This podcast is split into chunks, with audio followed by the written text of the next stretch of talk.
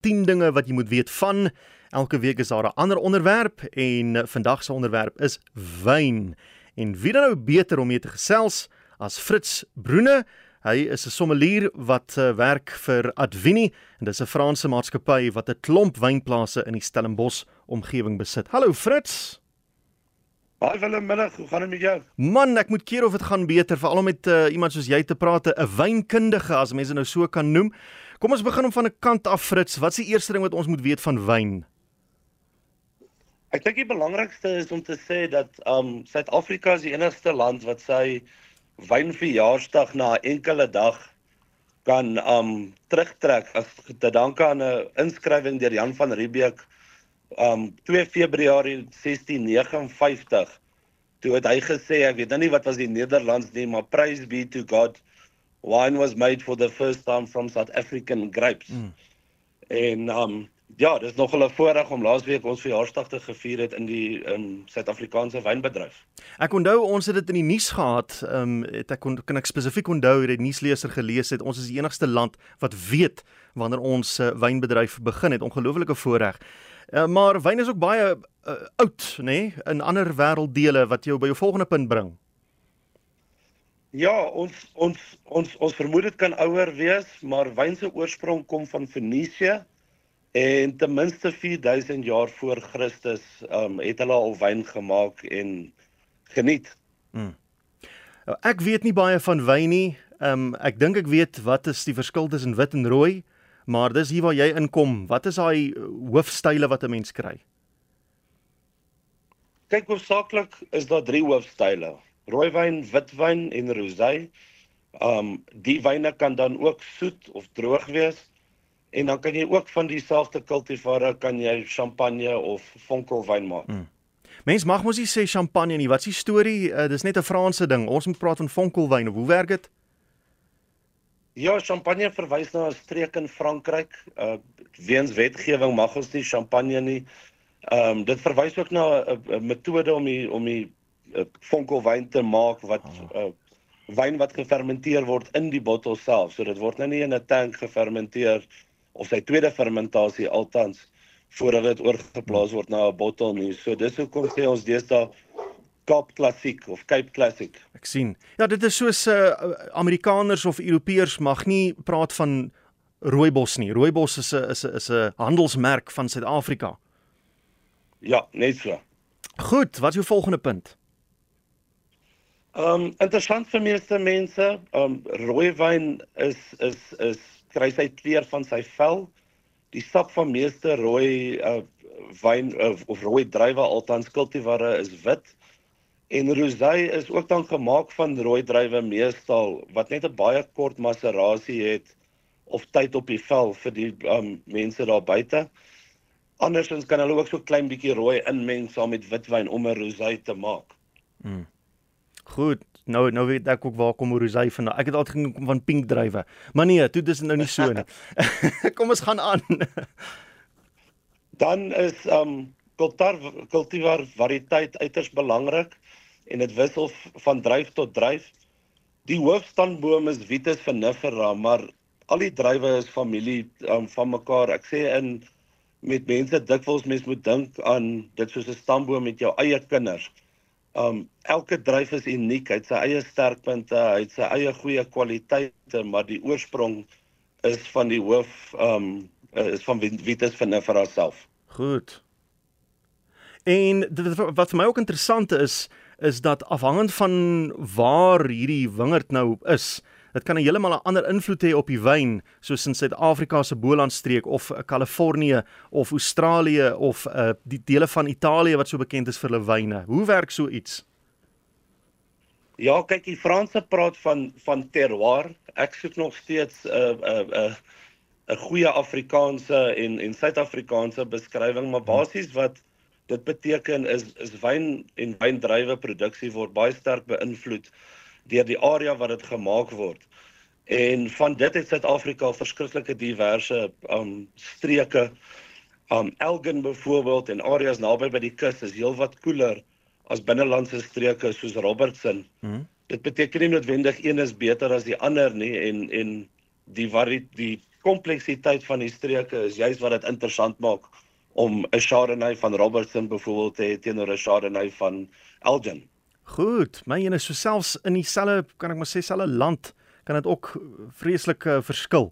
Maar daar's 'n wyn wat uh, trots Suid-Afrikaans is, nie waar nie? Ja, ek bly jy noem dit. Ehm um, ek dink is besonder belangrik dat dat ons daaroor praat Pinotage. Dit was 'n kruising wat deur professor Pennold gemaak is tussen Pinot Noir en Cinsault. Ehm um, Lavenier is 'n uitstekende voorbeeld van 'n moderne sagte refleksie, maar wat vir my belangrik is is weens klimaatsveranderinge gaan ons toenemend moet kyk na kultivare soos Pinotage. Hy word vroeg ryp. Hy's baie meer aanpasbaar vir die hitte wat ons almal nou voel reg oor die land en kan met minder water uitstekende wyn lewer. Goed, ek ek sien hoe spits Marietta se ore. Sy jy praat nou heeltemal so in haar lyn in van hierdie verskillende uh vir al die pinotage wat trots Suid-Afrikaans is. Ehm um, maar dan is daar ook sekere wyne wat ons die beste van is in die in die wêreld verstaan ek. Kyk, ek is baie trots om te sê onlangs het ons met in meer as een kategorie beste wyn of van die beste wyne gelewer in die wêreld, maar as daar ander wyne of kultivare is wat Suid-Afrikaanse vlag moet dra, is dit ongetwyfeld Chenin Blanc. Mhm. Mm ons produseer die meeste Chenin Blanc in die wêreld. Ehm um, gedeeltelik omdat ons so 'n bietjie van ons ehm um, brandewyn ook daarvan maak. Maar dan ook is dit 'n wyn of 'n kultivar wat nes ons land die ehm um, hoe kan ek sê diversiteit van ons ehm um, streke baie mooi wys ehm um, vir dis in die verskillende areas. Hmm. Ek wil noem 'n baie belangrike persoon in die dryf van ons sin in die in in die wêreld in was Ken Forrester. Hy word so half gesien as die pa van Shannon en het in die uh, vroeë 20 uh, 2000s al begin vir die wêreld vertel dat Chenin Blanc is die beste in Suid-Afrika. Goed.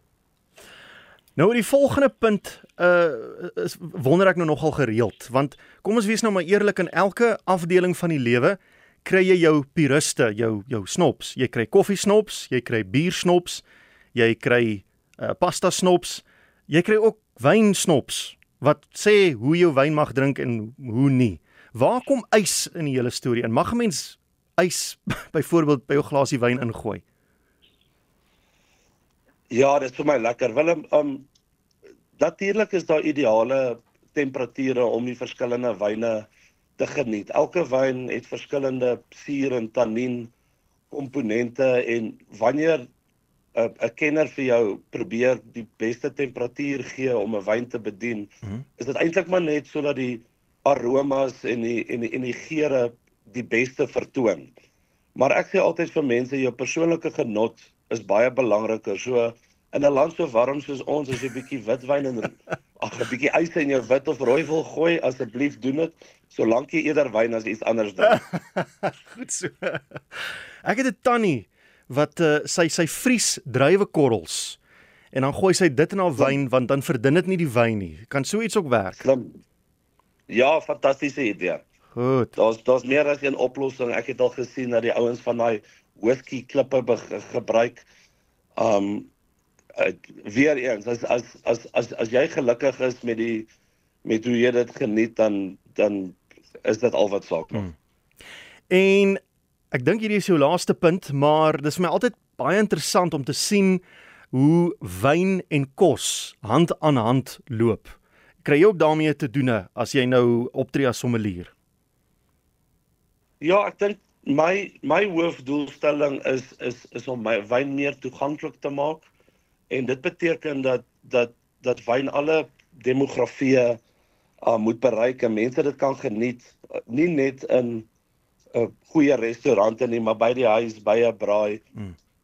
En ek dink dit is wat wyn juis vir my laat uitstaan bo enige ander uh, drankie en alkoholiese drankie weens die kompleksiteit verander dit en is 'n lewende produk met die geniet van verskillende disse En in Suid-Afrika met ons ongelooflike diverse kos van Kaapmalei curries tot afval tot braaivleis is dit juist ek dink wyn se plek om om lekker te geniet geword met al hierdie disse en vir jouself uit te vind watse wyn jy verkies hmm. um in watse omstandigheid.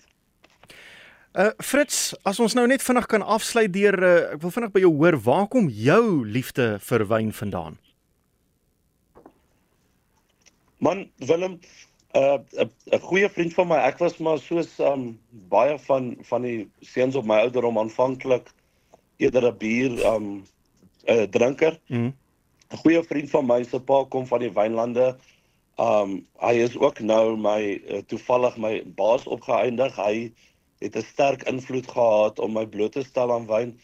En toe het ek vir lank 'n restaurant gehad en begin studeer in wyn en vir die wat wil op 'n avontuur gaan, daar is vrek baie om te leer. Dit is 'n interessante veld en dit hoef nie um ernstig altyd te wees nie. Mens kan bloot net heel wat meer leer en dit vat jou na baie mooi plekke toe. As, hmm. as mens eers begin toer in wyn, dan eindig jy dikwels in in baie spesiale plekke op. En hoe word 'n mens 'n sommelier? Wat is is dit iets wat jy 'n kursus moet doen? Kom dit uit ervaring uit? Moet jy 'n sertifikaat daarvoor hê? Hoe werk dit? Ja, absoluut. Daar ehm um, daar's twee internasionale organisasies. Ehm um, ISE en ehm um, Cape die Wine Masters. Uh in Suid-Afrika moet ek noem vir ingeval mense nie internasionale kwalifikasie wil doen nie, het ons Cape Wine Academy wat ongelooflike goeie werk doen.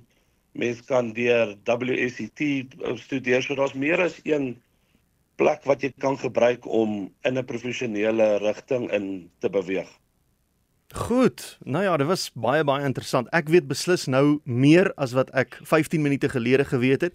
Fritz, dankie vir die saamgesels. Ons waardeer jou tyd en uh, sterkte vorentoe en geniet dit. Dankie Willem, dankie vir julle tyd. Groete. So gesels Fritz Broene, hy's 'n sommelier vir Advini, 'n Franse maatskappy wat 'n hele rits wynplase besit in die Stellenbosch omgewing.